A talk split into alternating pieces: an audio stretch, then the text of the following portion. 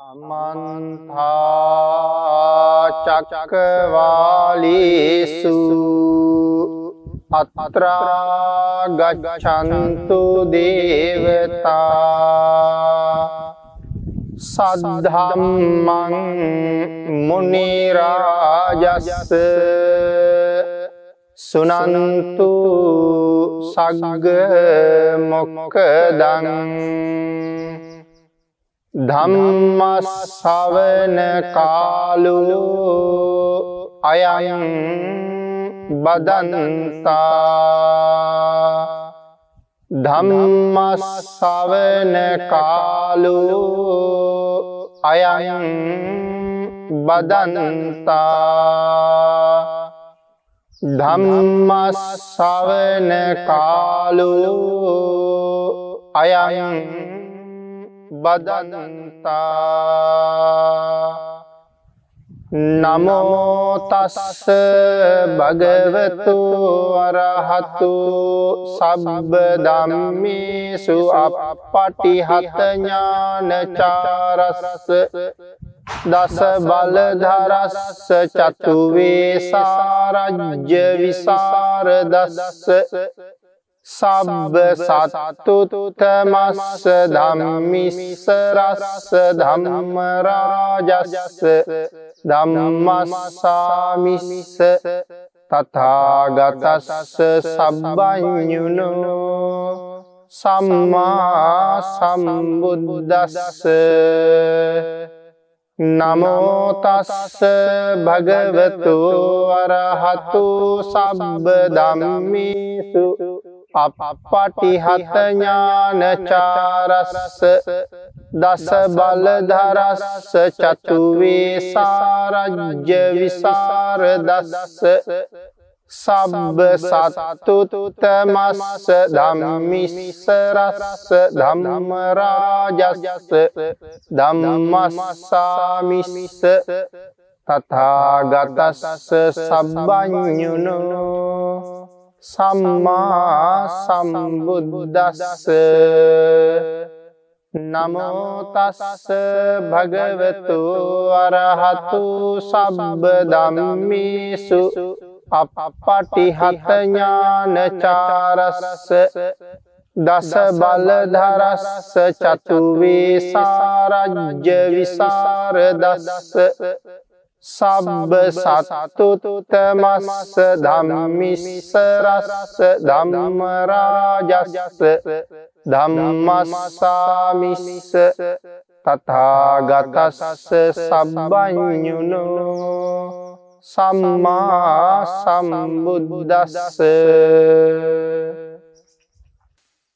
සද්ධර්මශ්‍රාවක කාරුණික ගුණගරුක බෞද්ධ පින්නතුනි බොහෝම ශ්‍රද්ධාවෙන් යුක්තව සියලු දෙනාම සූදානන් වෙන්නේ. තිලෝගුරු ශාන්තිනායක සම්මා සම්බුදුරජාණන් වහන්සේ විසින් ලෝක සත්වයන් පිළිබඳව අසීමිත දයාවෙන් කරුණාවෙන් මෛත්‍රියෙන් යුක්තව අවබෝධ කරගෙන දේශනා කොට වදාළ පරම ගම්බීර වූ ශ්‍රී සද්ධර්ම රත්නයෙන් අබමල් රේනුවකටත් වඩා අඩු. බොහෝම පුංචි කොටසක් දේශනා කරවගෙන ධර්ම ගෞරවය පෙරදැරි කරගෙන දේශනාගත ධර්මය ශ්‍රවණය කරන්නත්.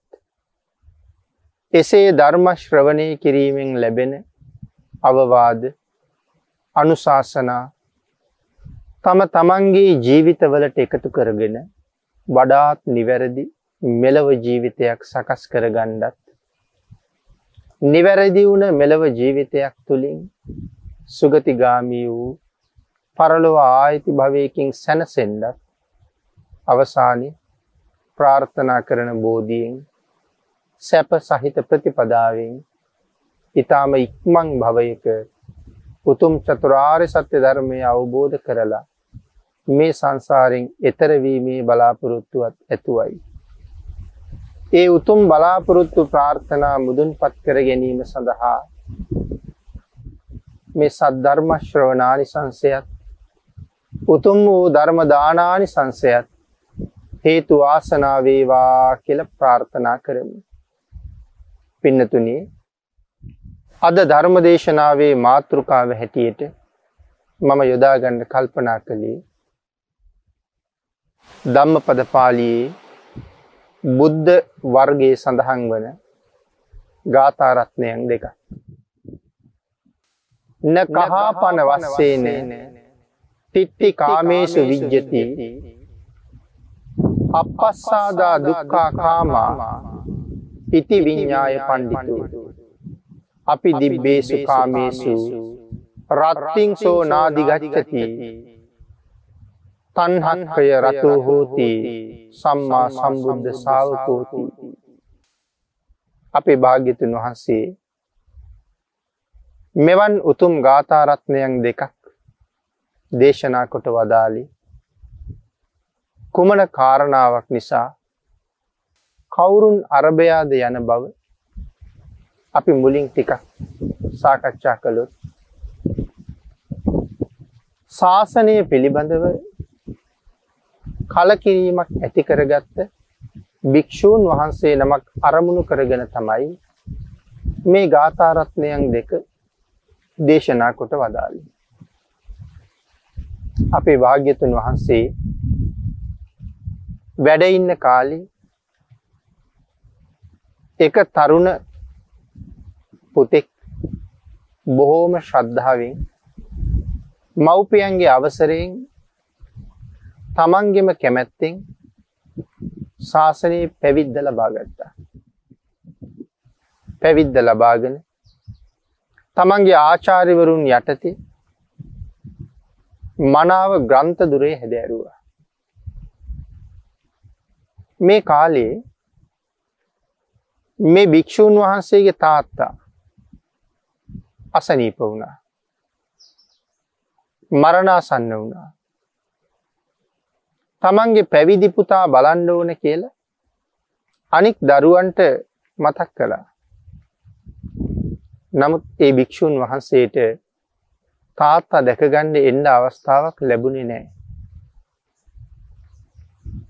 පුතා දැකගණ්ඩ තියෙන ආසාවත් නමුත් දකිින්ට ලැබෙන්නේ නැතිවෙයි කියන විශ්වාසය මේ තාත්තගේ හිතේ හොඳටම තිබුණා.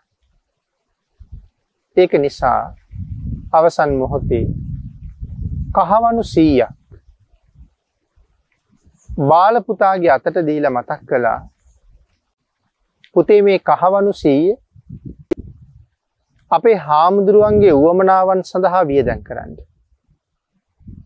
උන්වහන්සේ කැමති විදිහේ සිවුරු පිරිකරක් හෝ එහෙම නැත්තං උන්වහන්සේට වෙනත් යමක් අවශ්‍යනං ඒ දෙයක් උදෙසා හෝ මේ මුදල වියදන් කරන්න කියලා පුතාගේ අතට මේ කහවනු සීය දුන්නා. තාත්තා මරණයට පත් වනා තාත්තගේ අවසන් කටයුතු සියල්ලම ඉවර කළා අර භික්‍ෂූන් වහන්සගේ බාල මලනුවන් පස්සෙ දවසක ස්වාමින් වහන්සේ මුණ ගැහිලා තාත්තා මරණයට පත්වෙච්ච බව ආදී මේ කරුණු සියල්ලම උන්වහන්සට මතක් කරලා තාත්තා ජීවත් වෙලා ඉන්න වෙලාවේ ඔබ වහන්සේ වෙනුවෙන් ස්වාමීණී කහවනු සීයක් මගේ අතට දීල තියෙනවා. මේ කහවනු සීය ඔබ වහන්සේ කැමති දේකට යොදාගණ්ඩ කියලයි තාත්තමට කීවි. ස්වාමීණී මේ කහවනු සීය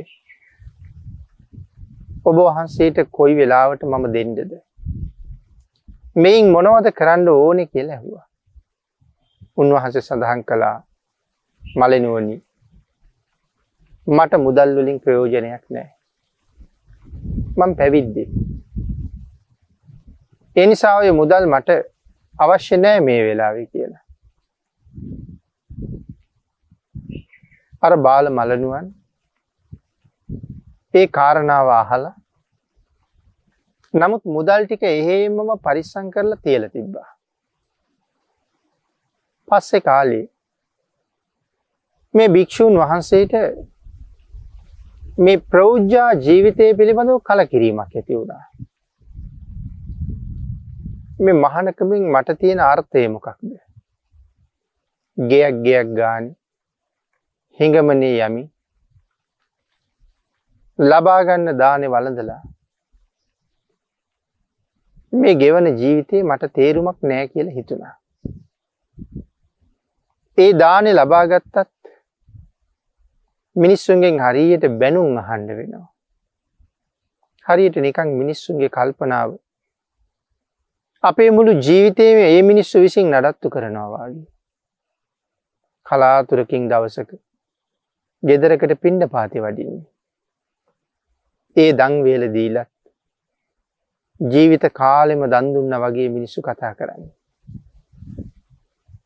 මිනිස්සුන්ගෙන් බැනුම් අහා සිංහා ගිහිල්ල වලඳලා ජීවත්වෙන මේ ජීවිතෙන් මට වැඩක් නෑ. එහින්ද මම සිවුරු ඇරල යන්න ඕන කියන හැඟීම නිරන්තරයෙන්ම හිතට එනවා.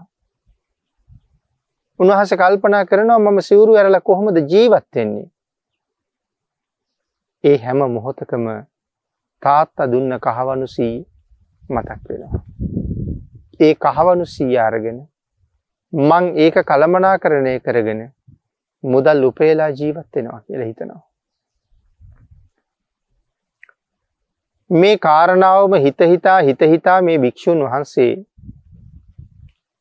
දැම් බොහෝම කෘෂ වෙලා සුදු මැලි වෙලා උන්වහන්සගේ වෙනස දැකපු අනික් භික්‍ෂූන් වහන්සේලා උන්වහන්සගෙන් ඇහුවා ආයශ්මතුන් ඇයි මෙහෙම ඉන්නේ ඇයි මේ කෘෂ වෙලා ඇයි මේ සුදු මැලි වෙලා ශාසනය පිළිබඳව ඇල්ම ගිලිහුණාද සිල්පල පද පිළිබඳව කිසියම් සැකයක් තියෙනවද කියලා. ඒ භික්‍ෂූන් වහස සඳහන් කළා මේ මහනකමට මගේ ලොකු රුචිකමක් නෑ. මට දැන් සෑහෙන කාලෙක ඉඳලා පැවිද්ද එපා වෙලා තියෙන්නේ. මේ ආදි වශයෙන් කරුණු සඳහන් කරහම ඒ භික්‍ෂූන් වහන්සේලා මේ කලකිරුණු භික්‍ෂුව එක්කරගෙන ගියා ඒ භික්‍ෂූන් වහන්සේගේ ආචාර්යවරුන් ළඟට. කරුණු කාරණා දැක්වත් ඒ ආචාරයෙන් වහන්සේලාට බැරි වුණා ඒ අනබිරතිය දුරු කරන්න. සියලු දෙනාම එකතු වෙලා උන්වහන්සේ එක්කරගෙන ගියා බුදුරජාණන් වහන්සේලාඟට. එහෙම එක්කරගෙන ගියහම අපේ බුදුරජාණන් වහන්සේ මේ භික්‍ෂූන් වහන්සට කතා කළා. හැබෑද මහන. ශාසනය පිළිබඳව කලකිරීමක් ඇති වෙලා කියල කියන්නේ. එහෙමයි ස්වාමීනි. දැන් ශාසනය අත්හැරලා ඔබ ගෙදර ගිහිල්ල මොනවද කරන්න හදන්නේ. ඔබට ගිහි ජීවිතය පවත්වන්ඩ මොනවද ඔබ සතුව තියෙන වත්කං මේ ආදී කාරණා අහපු හම උන්වහන්සේ බුදුරජාණන් වහන්සේට මතක් කළා ස්වාමීණි භාග්‍යතුන් වහන්ස මගේ තාත්තා මරණාසන්න කාලි මගේ මල්ලිගේ අතර කහවනු සීයක් දීල තියෙනවා මං වෙනුවෙන්. මංගේ කහවනු සීය මල්ලිගෙන් ඉල්ලගෙන මගේ ඉදිරි ජීවිතය පවත්වන්න කටයුතු කරගන්නවා. ඒ කහවනු සීය ඔබට ඇද්ද ඇති ස්වාමීන්. බුදුරජාණන් වහන්සේ සඳහන් කළා භික්‍ෂුව ඔබ බලාපොරොත්තු වෙන විදිහට ඔය කහවනුස්සයයක් අරගෙන ඔය ජීවිකාව ගත කරන්න ඔබට කොහොමත් හැකියාවක් නෑ. ඒ කහවනුසේ ඔබ වියදන් කරන හැටි තීරණය කළාද. භාගිතුන් වහස සඳහන් කරනවා. ඔබ ගිහිල්ල කහවනු හැටියට හිතලා ගල් කැටසය කරන්න කියලා. ඒ භික්‍ෂූන් වහන්සේ භාගිතුන් වහසේ දේශනා කරපු විදිහට ගල් කැට සේයක් කරන්නාවා. භාගිතුන් වහන්සේ සඳහන් කළා එදිනෙදා ජීවිකාවෘතියේ කටයුතු කර ගැනීම සඳහා කොයින් ගල් කැට පණහක් අයින් කරන්න. උන්වහන්සේ ගණන් කරලා ගල් කැට පණහක් අයින් කළා. දැන් කහවනු පණහක් අයින් වෙලයි තියෙන්නේ තව තියෙන්නේ කහවනු පණහයි. භාගිතුන් වහන්සේ සඳහන් කරනවා මහන්නේ කෘෂිකර්මාන්ත කටයුතු කර ගැනීම සඳහා නම් ගව සම්පත අවශ්‍යයි. දැන් ඔබට යටත් පිරිසෙන් ගොම්බානක්වත් අඩුම තරම ඉන්න ඕනේ. ගොම්බානක් මිලට ගැනීම සඳහා කහවනු විසි පහක් අයින් කරන්න. දැන් කහවනු හැත්ත පහක් ඉවරයි. තව තියෙන්නේ කහවනු විසි පහයි. භාගිතුන් වහන් සඳහන් කලා මහන නගුල් ගණ්ඩෝනි විය දඩු හදා ගණ්ඩෝනි හීවැල් හදා ගණ්ඩෝනි බිත්තර වී ගණ්ඩෝනි කුඹුරට යනේ නයට නැතන් වැඩ කරන අයට මුදල් ගෙවන්න ඕනේ. ඒ අයට ආහාර පාන දෙන්න ඕනේ. මේ ආදී වශයෙන් තවත් නොයෙක් කටයුතු තියෙනවා කරන්න. මේ ඉතුරු කහවණු විසි පහ නෙමෙයි තවත් කහවණු සියයක් තිබුණත් ඔබේ මේ අවශ්‍යතා සම්පූර්ණ කරගන්න ඒ මුදලත් මදි වෙනවා. දැන් ඔබට තේරෙනවද මේ කහවණු සියයකින් මේ ජීවිතේ පවත්වන්න බොහොම අමාරුයි කියලා. ඒක කරන්න බැරි වැඩක් කියලා ඔබට තේරෙනවද? භික්ෂූන් වහන්සේට කරුණු දක්වලා අපේ භාග්‍යතුන් වහන්සේ උන්වහන්සේ තුල ඇති වෙලා තියෙන මෙන්න මේ අනබිරතිය නැති කිරීම උදෙසා අපි අර මුලින් දේශනා කොට වදාළ ගාථාරතනයන් දෙක දේශනා කොට වදාලා. න කහාපන වස්සේන තිත්ති කාමේසු විජ්ජති. භාගිතුන් වහස දේශනා කරනවා. කහවනු වැස්සෙන්ද වස්තු කාමයන්හි සෑහීමක් නැත්තේ. පුද්ගලයාට මිනිසාට තියෙන වස්තුකාමය කහවනු වැස්සක් වැහැලවත් ඉවර කරන්න පුළුවන්කමක් නෑ. නුව නැත්තු කාමයෝ රසවිඳ ගැනීම ඉතාම අපහසු කාරණාවක් බව දන්නවා. මොද කාමයන්ගෙන් සෑහෙන්ඩ බැරි බව නුවනැත්තෝ හොඳාකාරෝම දන්නවා. මේ කාමයෝ හැම ගොහොතකම දුකක් මිස සැපක් ගෙන නැති බවත් නුව නැත්තු දන්නවා.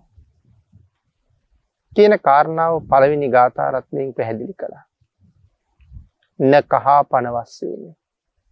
එනක් සඳහන් කළේ කහවනු වැස්සක් වැස්සක්. මිනිසුන්ගේ තන්හාාව නැති කරන්න ඒ කහවනු වැස්ස සමත් වෙන්නේ නෑ කියලා. ඒ කියන්නේ පුද්ගලයාට ඇතිවීමක් නෑ කියන එකයි. කොච්චර තිබුණත් මදි. මේ ප්‍රමාණය මට සෑහෙනවා කියලා තීරණයක් නෑ. ඒක පින්නතුන පෞද්ගලිකව අපිට අපේ ජීවිතෙන් හොඳට හොඳට වැටහෙනවා. රුපියල් දෙසීයක් තියෙන කෙනෙක්. දෙසීයකින් යන්තන් ජීවත් වෙන කෙනෙක් සමහර වෙලාවට හිතන්නේ මට දෙසිය පණහක් තිබුණොත් පණහක් ඉතුරු කරන්න පුළුවන්. මොකද මම දැනට දෙසීයකින් ජීවත්වෙනවා. එදාටත් මම දෙසීයෙන්ම ජීවත්වෙනවා පණ හිතුරු කරගන්න. නමුත් දෙසිය පණහක් ලැබෙන්ඩ ගත්තාම. ඔහුට තව තව කටයුතු වැඩි වෙනවා. එදාට ඔහුට දෙසිය පණහ මදි වෙනවා. තුන්සීයක් තිබ්බොත් ඇති කියලා හිතෙනවා. ධනය ලැබෙන්ඩ ලැබෙන්ඩ තමන්ගේ අවශ්‍යතා වැඩි වෙනවා. මෙතෙක් කළුත් ඒ අවශ්‍යතා තිබුණා. නමුත් ධනය නැති නිසා ඒ අවශ්‍යතා මුදුන්පත් කරගන්න බැරිවුණ නිසා ඒ සම්බන්ධයෙන් හිතුවේ නෑ. නමුත් දැන් ධනය ටිකක් ලැබෙනකොට ඒ හිත යට තිබින ආසාවන් මුදුන්පත් කරගන්න හිතෙනවා. ඒ නිසා තමන් බලාපොරොත්තු වෙන මුදල හැමදාම ක්‍රමක්‍රමයෙන් මදිනවා මදි වෙනවා.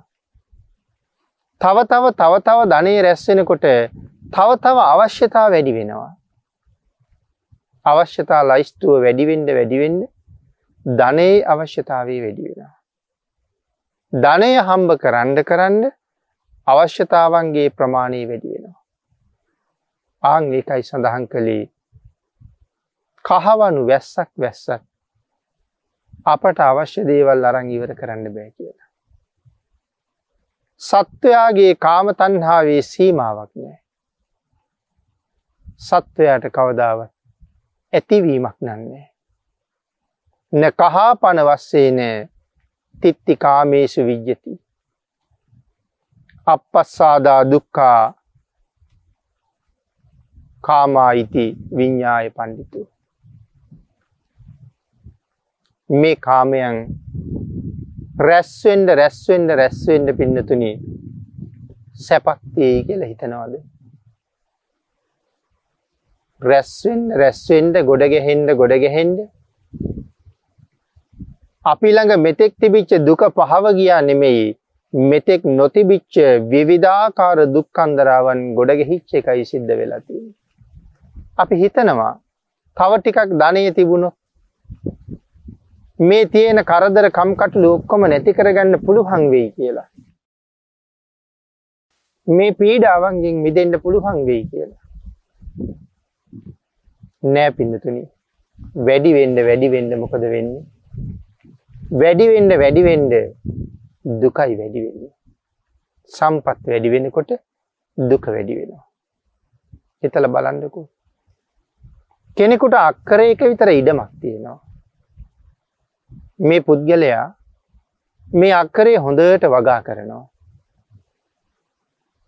ඒ අක්කරේ වගා කළත් ඒක රැකගණ්ඩ දිවා රාත්‍රී දෙකේ මහන්සි වෙන්ඩ ඕනේ.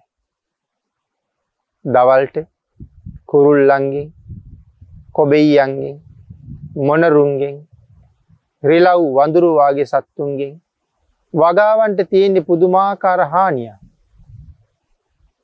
රාත්‍රියයට අලි ඇත්තු ඌරෝවාගේ සත්තු ඉත්තෑවවාගේ සත්තු මේ ආදී නොයෙක් සත්තු ඇවිල්ලා රාත්‍රියයට ගොයිපොල විනාශ කරනවා. ඉතිං දවල් කාලෙත් ගොවිපලේ ඉන්ඩෝනේ රෑටත් ගොවිපලේ ඉන්ඩෝන. දවල්ටත් දුක් විඳින්ඩ ඕන ගොවිතැන ආරක්ෂා කරගන්න රෑටත් නිදි මරමින් දුක් විඳින්ඩ ඕන ගොවිපොල ආරක්ෂා කරගන්න. නමුත් ඔහු රෑ දවල් දෙකේ මහ වෙහෙසක් දරලා විඳලා ගොවි පොළ ආරක්ෂා කර ගනිමින් තමන්ගේ ජීවිකා වෘතියට ඒක මහලොකු පහසුවක් බවට පත් කරගන්න. ආං එවන් පුද්ගලයට අක්කර දෙකක් ලැබුණු අක්කර තුනක් ලැබුණු අක්කර හතරක් විතර වවන්ඩ ලැබුණු දැන් ඒ ලැබුණ ඉඩංවල වගා කටයුතු කරහම මේ කලින් අක්තරේ වගා කටයුතුවට එළඹුණ උපද්‍රව ටික අර වගාබින් කරා පැතිරලා යන්නේ නැද්ද? එතකොට දැන් අක්කර හතරක් විතර ආරක්ෂා කරන්න වෙලා. තනි පුද්ගලයෙකුට ඒ වැඩේ කරන්න පහසුද? එහෙමනම් දැන් වෙනදා තිබිච්ච දුක තුන් හතර ගුණයකින් වැඩි වෙලාද නැද්ද? වැඩි වෙලා. එදිනෙදා පාවිච්චි කරන ඇඳුම් ටික ප්‍රමාණයෙන් වැඩි වෙන්න වැඩි වෙන්න අපට එතන තියෙන්නේ මහ දුක. ඇයි වෙනදනම් ඇඳුම් දෙකක් හොදගෙන මාරුවට ඇඳගත්තා. දැන් ඇඳුම් තුන හතරක් තියෙනවා. වෙනදනම් අද ඇඳපු ඇඳුම අනිවාර්යයෙන්ම හොදන්න වෙනවා හෙට අඳින්න. නමුත් දැන් කීපයක් තියෙන නිසා හොදන්නේ නෑ ඒක පසෙක දානවා කම්මැලි වෙලා. හෙට වෙනකොට ඇඳුම් දෙකක් හෝදන්න වෙලා. අනිත් දැ වෙනකොට ඇඳුම් තුනක් හෝදන්ද වෙලා. ඒවා හෝදන් වේලන්ඩ පිළිවලකට නමන්ඩ තැනක තියන්ඩ මේ ආදී කටයුතු වෙනුවෙන් වෙනදට වඩා මහන්සි වෙන්න සිද්ධ වෙලා. වාහනයක් තිබුණේ නැති කෙනෙ. දුක්විඳලා දුක්විඳලා මහන්ස් වෙලා උපයගත්ත ධනය ඉතුරු කරලා ඉතුරු කරලා. තවත් සමාගමකට නයකුත් වෙලා වාහනයක් කරන්ගෙනවා. මෙතෙක් කල් තමන්ට නොතිබුණ අලුත් කරදරයක් ගෙදරට ගෙනන්න තිය. වාහනයක් තියෙන එක ගැන සතුටුයි. තැන තැන රස්තියාදුවක් නැතුව ගමනක් යන්න ලැබෙන එක පිළිබඳව සතුටුයි. එහෙම සතුටු වුණාට මෙතෙක් ජීවිතේ තිබිච්ච නිදහස සෑහෙන්ඩ අහිමි වෙලා ගිහිල්ලා. කරදර වැඩි වෙලා. ඇයි මේ වටිනා වාහනයක්. ලක්ෂ ගානක් වටිනවා. හැමදාම අව්වෙ තියන්නද. හැමදාම තෙමෙන්ඩ තියන්නද. හැමදාම පිණිබාණ්ඩ තියන්නද. හැමදාම දූවිලි වැඩි වෙදී තියන්නද. අන්න ඒක හින්දා. වාහනේ තියන්ඩ වෙනම ගයක් හදන්න වෙලා. වෙනම පලයක් බාල මඩුවක් හදන්න වෙලා. වාහනේ නොතිබුණානං ඒ කරදරේ නෑ. දූවිලි හැම වෙලාම වැදෙන හින්ද. වහල තියන්ඩ සුදුසු වස්ත්‍ර ජාතිගේන්ට වෙලා. සුදුසු රෙදී ඕනෑ වහල තියන්ට. මෙතෙක් නොතිබුණු මුදලක් වේදන් කරන්න වෙලා. එහි නඩත්ත කටයුතු සඳහා මෙතෙක් තමන්ගෙන් වියදං නොවන අලුත් මුදල් ප්‍රමාණය වියදං කරන්න වෙලා වෙන් කරන්න සිද්ධ වෙලා තියෙන. ඒ විතරකුත් නෙමෙයි. හෝදණ්ඩ කාලයක් යොදන්ඩුව. වෙනත් නඩත්තු කටයුතු සඳහා සුදුසු තැන්වලට අරගෙන යන්න ඕන. ඒ තංගොල සෑහෙන වෙලා රස්තියාද වෙන්න සිද්ධ වෙනවා. කාලෙ නාස්ති වෙනවා එතකොට. මෙතෙක් නාස්ති නූන කාලයක් දැන් නාස්ති වෙනවා. වාහනය නිසා. මේ මේ ආදි වශයෙන් තවත් නොයෙක් කටයුතු ගැන හිතල බලන්ඩකු. ආං එහෙම වෙච්චහම පින්නතුනි අපි අලුතෙන් යමක් රැස් කර ගත්තා කියල කියන්නේ හැම වෙලාවෙම දුකක් තමයි රැස් වෙලා තියෙන්නේ. නොතිබුණ අලුත් කරදරයක් තමයි එකතු වෙලා තියෙන. නමුත් සෑහීමකට පත්වෙනවද සෑහීමක් නෑ. එක වාහනයක් තියෙන කෙනෙක් හිතන්නේ දෙකක් ගණ්ඩ. දෙකක් තියෙන කෙනෙක් හිතන්නේ තුනක් ගණ්ඩ. තවත් කෙනෙක් හිතන්නේ ඒ ටික ඔක්කොම විකුණලා ඊට වඩා හුඟක් වටින එකක් ගන්න. නමුත් හදිසියේ කරදරයක් වුණුත් කැඩුණොත් නැවත සකස් කරගන්න වියදං වෙන වියදමත් අර සාමාන්‍ය වාහනෝට වියදං කලා වගේ දෙගුණයක් තෙගුණයක්වත් වියදං කරන්න වෙනවා. ණයවෙන්ඩත් සිද්ධ වෙනවා. නමුත් ලොකු ලාභයක් ආදායමක් නෑ. මටත් වාහනයක් තියෙනවා කියලා කියාගණ්ඩ විතරක් පුළුහංකම තියෙනවා. මේ ආදී වශයෙන් ජීවිතයේ තව නොයෙක් දේවල් හිතල බලන්ද. අලුතෙන් යමක් තමන්ගේ ජීවිතයට ගෙදරට එකතු වෙනවා කියල කියන්නේ මෙතෙක් නොතිබුණු කරදරයක් අලුතෙන් එකතු වුණා කියන එකයි. නමුත් ඒක කරදරයක් කියලා දැනෙන්නේ කාටද. ප්‍රඥාවන්තයකුට දැනෙනවා ඒක කරදරයක් කියලා. ජීවිතයේ සැහැල්ලුවෙන් තියාගණ්ඩ ඕන කියලා ප්‍රඥාවන්තයකුට තේරෙනවා. අනවශ්‍ය විදිහට නිස්කාරණයේ නාස්ති වෙන කාලය කුසලට දහමට යොදන්න තියෙන හොඳම කාලය කියලා ඥානවන්තයා තමන්ගේ ජීවිතයේ නිකරුණේ ගතවෙන්ඩ තියෙන හැම අවස්ථාවක්ම වහගණ්ඩ කටයුතු කරනවා. මගාරව ගණ්ඩ කටයුතු කරනවා. නමුත් තන්හාාවේ සීමාවක් නැති සත්වයා එ තන්හාාව නිසා හැම අතින්ම වෙනසෙනවා. භාගිතන් වහස දේශනා කරනවා මහන මේ කහවනුස්සේය ඔබට මොනව කරන්නද. මේ කහවනුස්සයෙන් ඔබ මොනව කරන්නද. දේශනා කලා මහන එක වතාවක් අත්පුඩි ගහපු හම යොදුන් දොළහක් තරං විශාල භූමි භාගයක් කටී ප්‍රදේශය දක්වා කහවන වලින් පුරවන්ඩ තරන් හැකියාවක් තිබුණ මහා මන්ධාතුනං සක්ති රජ්ජිරුවන්ට ධනයේ සෑහීමක් තිබුණේ නෑ කාමයේ සෑහීමක් තිබුණේ නෑ. පින්නතුනේ මොකද්ද මේ කියන්නේ? මහා මන්දාතු කියන සක්විති රජුරු එක පාරක් අත්පුඩි ගහපුවාම අත්පොලසන් දුන්නහම යොදුන් 12ක් වට ප්‍රමාණයේ මේ මුළු විශාල භූමි භාගය සම්පූර්ණයෙන්ම කහවණුවෙන් පිරෙනවා. ඒ තරම් ධනය රැස් කර ගැනීමේ හැකියාවක් මේ අත්පොලසමකට තියෙනවා. ඒ තරම් සම්පත් රැස් කරගෙන මනුලව විඳ යුතු උසස්ම සැපත වෙච්ච සක්විති රජ සැපය විඳ විඳ මහා මන්දාතු රජුරවන්ට සෑහීමක් ඇතිවීමක් තිබුණේ නැහැ. මීට වඩා සැප විඳින කිසි මිනිහෙක් මනුලව නැහැ.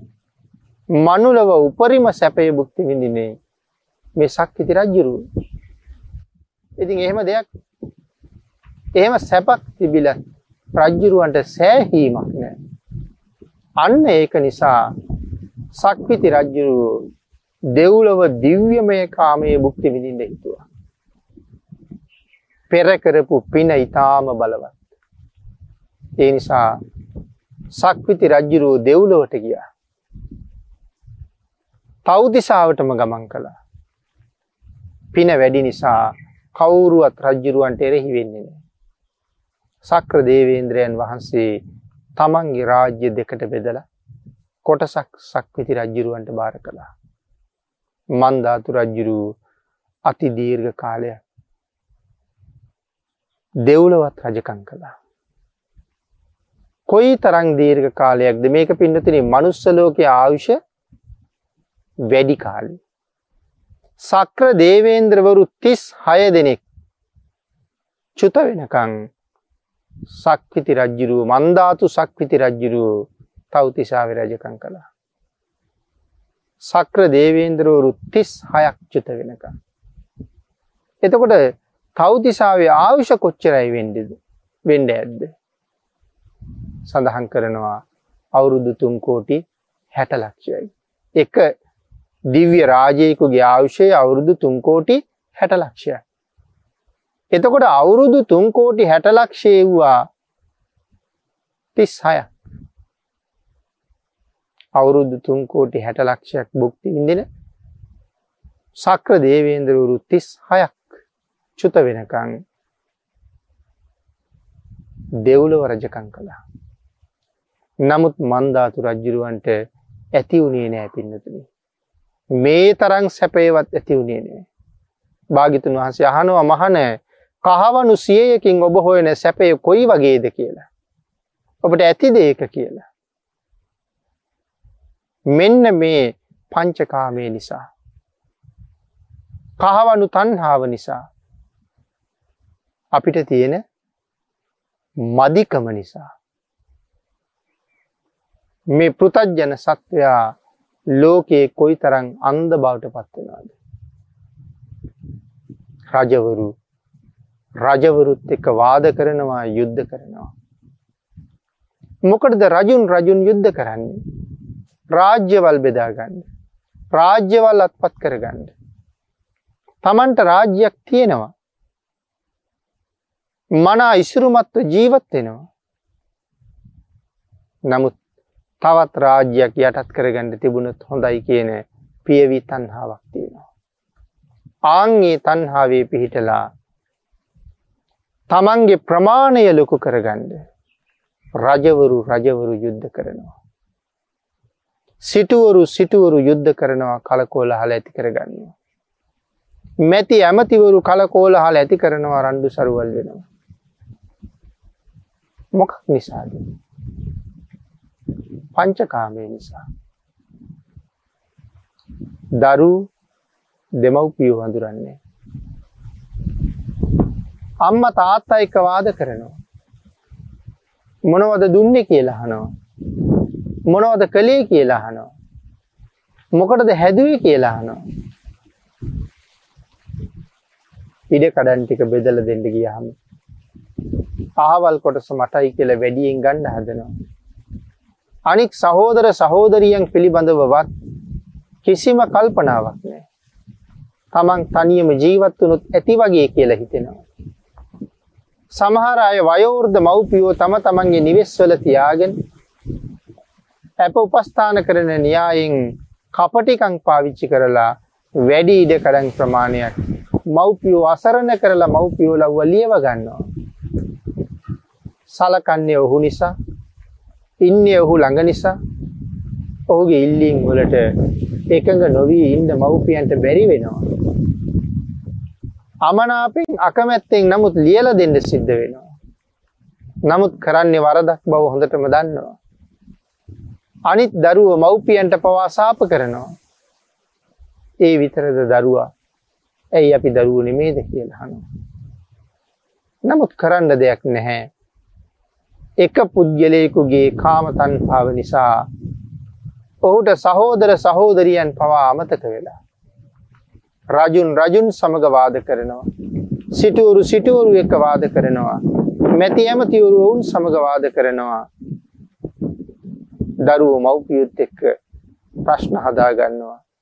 සහෝදරයෝ සහෝදරියෝ එක්කත් සහෝදරියෝ සහෝදරයෝ එක්කත් ගැටලු ප්‍රශ්න හදා ගන්නවා. අඬ දබර වෙනවා. කා කොටා වැටෙනවා. නඩු හබ කියනවා. පොලිසිවල උසාවිවල යනවා. කාමය නිසා. සත්වයා කාමයෙන් හරි අන්දයි. කාමයෙන් අන්ද වුණ සත්වයා ගුණ ධර්ම වලින් හොඳටම හීනයි. මේ කාමයේ සෑහීමක් ඇත්තෙම නෑ කියන කාරණාව භාගිතුන් වහසේ තව බොහෝ කරුණුවලින් අපිට දේශනා කළා. අපේ පින්නතුන්ට මතක ඇති රට්ටපාල මහරහතන් වහන්සේ කෝරව්‍ය රජ්ජිරුවන්ගෙන් අහනවා මහරජය මේ සත්වයට සෑහීමක් නෑ නේද කියලා. සත්වයට ඇති කියලා හිතුන දවසක් නෑ. සත්වයාගේ සෑහීමක් නෑ. කෝර විරජ්ජුරු අහන ඇයි ස්වාමීණී එහෙම කියන්නේ. අපට ඇති තරම් දේපොළ ධනය ඉඩකඩන් තියෙනවා. ඇයි අපට එහෙම කියන්නේ. සත්වයාගේ කාමයෙහි සෑහීමක් නෑ කියලා. මෙන මේ වෙලාවේ රට්ටපාල මහරහතන් වහන්සේ රජ්ජිරුවන්ගෙන් අහනවා මහරජය මට මේ ප්‍රශ්නයට උත්තර දෙන්න. යම් විශ්වාසවන්ත කටයුතු පුද්ගලයෙක් එක ප්‍රදේශයක ඉඳල ඇවිල්ලා ඔබට කියනවා මහරජය මේ දකුණු ප්‍රදේශයේ තියෙනවා රාජ්‍ය ඒ රාජ්‍ය ඕන වෙලාවක යටත් කර ගන්න පුළුවන් මහරජය ඔබ ඒ භූමිය යටත් කරනවද නැද්ද කියලැහවා. යටත් කරගන්නවා ස්වාමී. බටහිර පැත්තෙත් දකුණු පැත්තෙත් උතුරු පැත්තෙත් ඒ විදිහටම තියෙන භූමි භාගයන් පිළිබඳ ඇවිල සඳහන් කරනවා. ඔබ යටත් කරනවද නැත්තං අපට ඇති කියල කියනවාද. යටත් කරගන්නවා ස්වාමීන්. යම් සත්‍යය පුද්ගලයෙක් ඇවිල්ල කියනවා මහා සාගරයෙන් එහා පැත්ති. භූමි භාගයක් තියෙනවා ඒ භූමි භාගයට අයිතිකාරයෙක් වේ. කැමති ඕන කෙනෙකුට තමන්ගේ රාජ්‍යයට නතු කරගන්න පුළුවන් ඒ භූමි භාගය කියලා. මහරජය ඔබ මොකද කියන්නේ ඔබට කීවොත්. සයුරෙන් එතර තියෙන භූමියත් නතු කර ගන්නවද. එහෙම නැත්තං මේ භූමිය විතරක් නතු කරගෙන කටයුතු කරනවද. රජුරු සඳහන් කරනවා මොනවාහනවද ස්වාමීණී. මං ඒ භූමිය යටත් කරගන්නවා නතු කරගන්නවා. රහතන් වහන්සේ අහනව මහරජය ඔබට කාමයේ සෑහීමක් නැති බව දැන් ඔබට තේරෙනවද. කෝරව්‍ය රජ්ජිරුවන්ට මෙරට විතරක් නෙමේ පිට රටත් නොය කාකාරයේ තමන්ගේ ඉඩ කඩන් වාස භූමි තියෙනවා කියලා කියන්න ඔබ කැමති නැද්ද. ආං එහෙමනම් මේ සත්වයාට ඇතිවීමක් නෑ කියන කාරණාව රජ්ජිරුවන්ට පැහැදිලි කළා. මහරජ කොපමණ තිබුණත් ඇතිවීමක් නෑ. රජ්ජිරු කියනවා තේරුණා ස්වාමීණි තේරුණා මට දැන් හොඳටම තේරුණා කියලා. ආං ඒ වගේ තමයි පංචකාමය කවදද කාටද දැන් මට ඇති කියලා හිතුනේ. ඔබ ඒ ප්‍රශ්නේ ඔබෙනුත් අහලා බලන්න. දෙවැනි ගාථාරත්නයත් සඳහන් කළා අපි දිබ්බේසු කාමේසු ප්‍රත්තිංසු නගච්චති. අති දිබ්බේසු කාමේසු. පිනතුන මේ මනුෂ්‍ය කාමය විතරක් නෙමෙයි. මනුෂ්‍ය කාමයට වඩා ඉතාම උසස් මට්ටමේ තමයි දිව්‍යමය කාමයේ තියෙන. මනුස්ස ලෝකයේ උසස්ම සැපය විඳින්නේ සක්විති රජ්ජුරුවනි. මනුස්ස සම්පත්තියේ උච්චතම තැන සක්විති රජු. නමුත් සක්විති රජ්ජුරුවන්ගේ සැපය වාගෙද දෙවියන්ගේ දිව්‍ය සැපය. භාගිතුන් වහසේ උපමා කළේ සක්විති රජ සැපය කුඩා ගල් කැටයක් වගේ දෙව්ලව දෙව් සැපයේ හිමාල පරවතය වගේ කියලා. එවන් ස්වල්ප වූ සැපයක් සක්විති රජ්ජුරුවන්ටත් තියෙන්නේ. නමුත් මනුලොව අපට සක්විති රජුට තියෙන සැපේ තරං සැපයක් කවදාවත්ම නෑ. ආං ඒක නිසා මේ සක්විති රජවරු යම් සැපයක් විඳිනවද අතිශයින්ම උත්තරීතර සැපයක් ඊට වැඩියෙන් දෙවිවරු විඳිනවා. නමුත් ඒ දෙවියන්ටත් පංචකාමයේ සෑහීමක් තියෙනවද. ඒ දෙවියන්ටත් ඇති කියන හැඟීමක් තියෙනවද.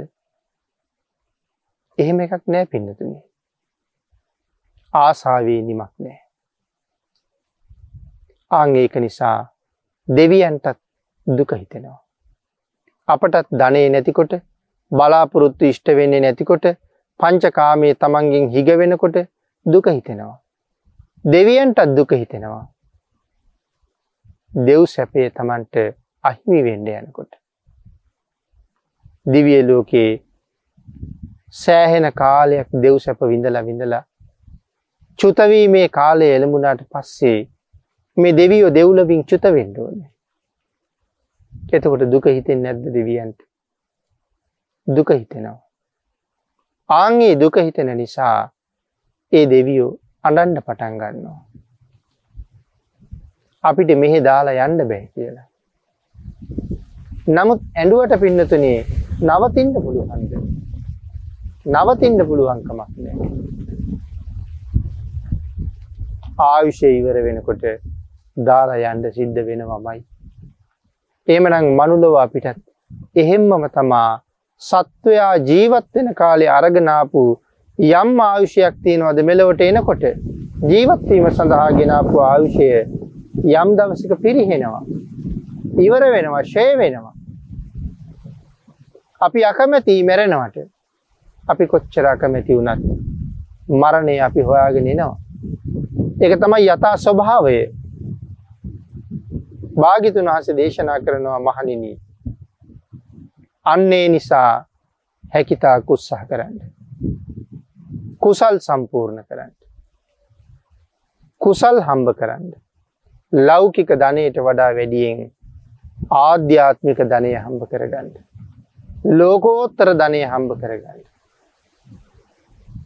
ආංගේ ලෝකෝත්තර ධනය හම්බ කිරීම සම්බන්ධයෙන් අසීමාන්තික බවක් දරන්න.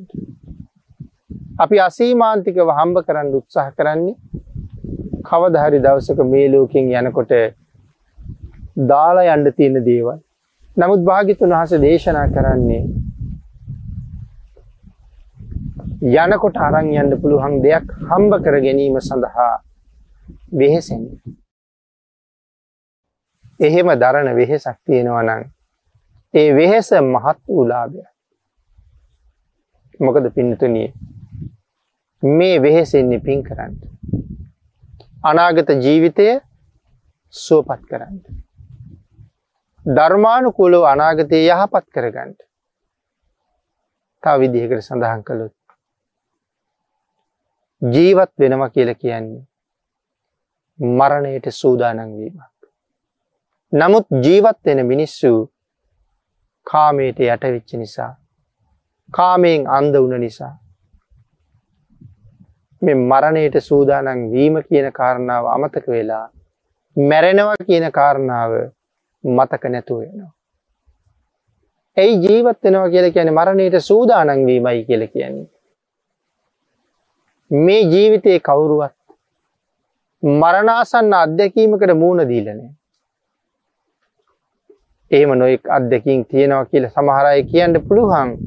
නමුත් පින්නතුනේ ඒ කිසි කෙනෙක් හැබෑම මරණ අත්දැකීමට මුහුණ දීලා නැහැ.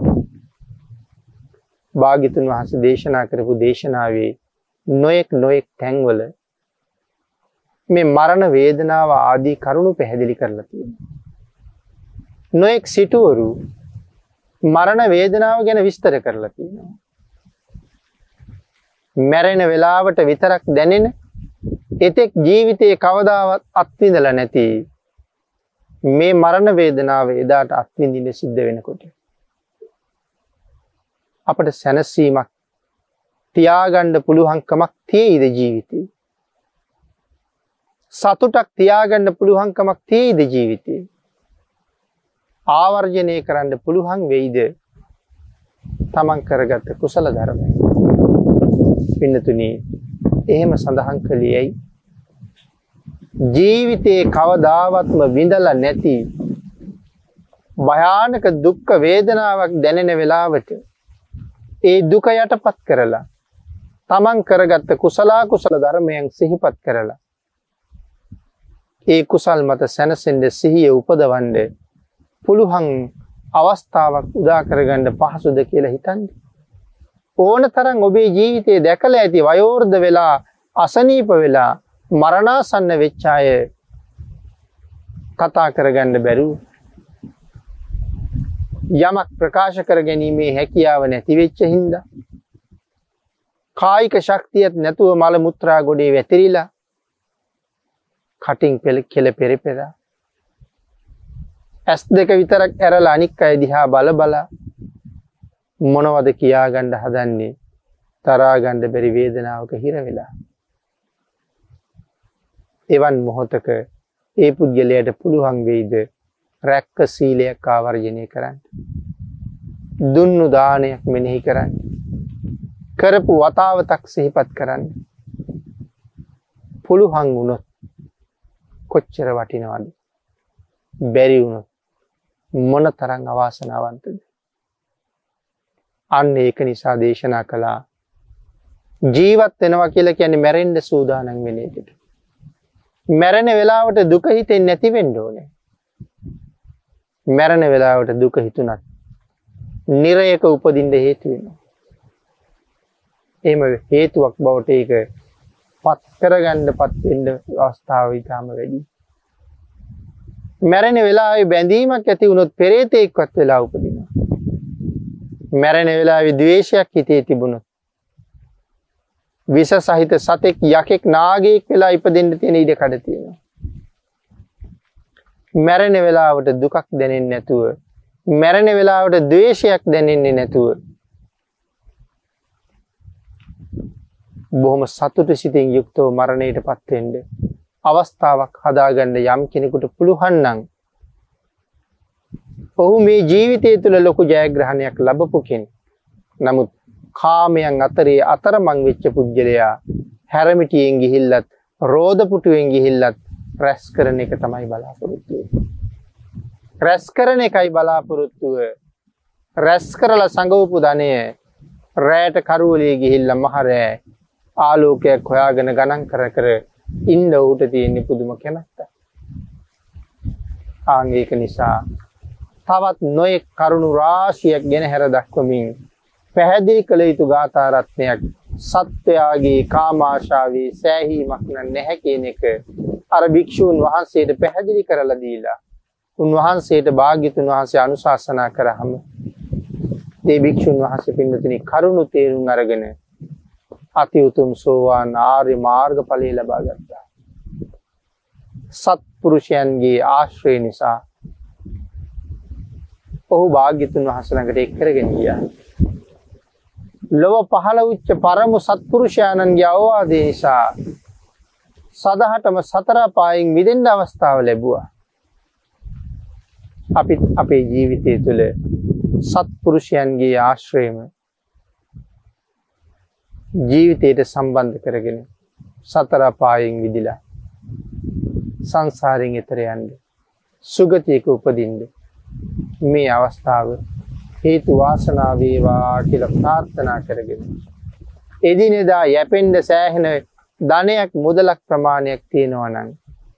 ඒටිගෙන් සෑහීමකට පත්වෙලා වැඩි වැඩියෙන් සිල් ගුණ රැකලා දම්පින්කං කරලා ජීවිතය කුසලෙන් පෝෂණය කරගන්න ප්‍රත්නත්‍රී ආශිරුවාදෙන් ඔබටත් ශක්තිය දහිරිය භාග්‍ය වාසනාව උදාවේවා කියලා ආශිර්වාද කරනවා.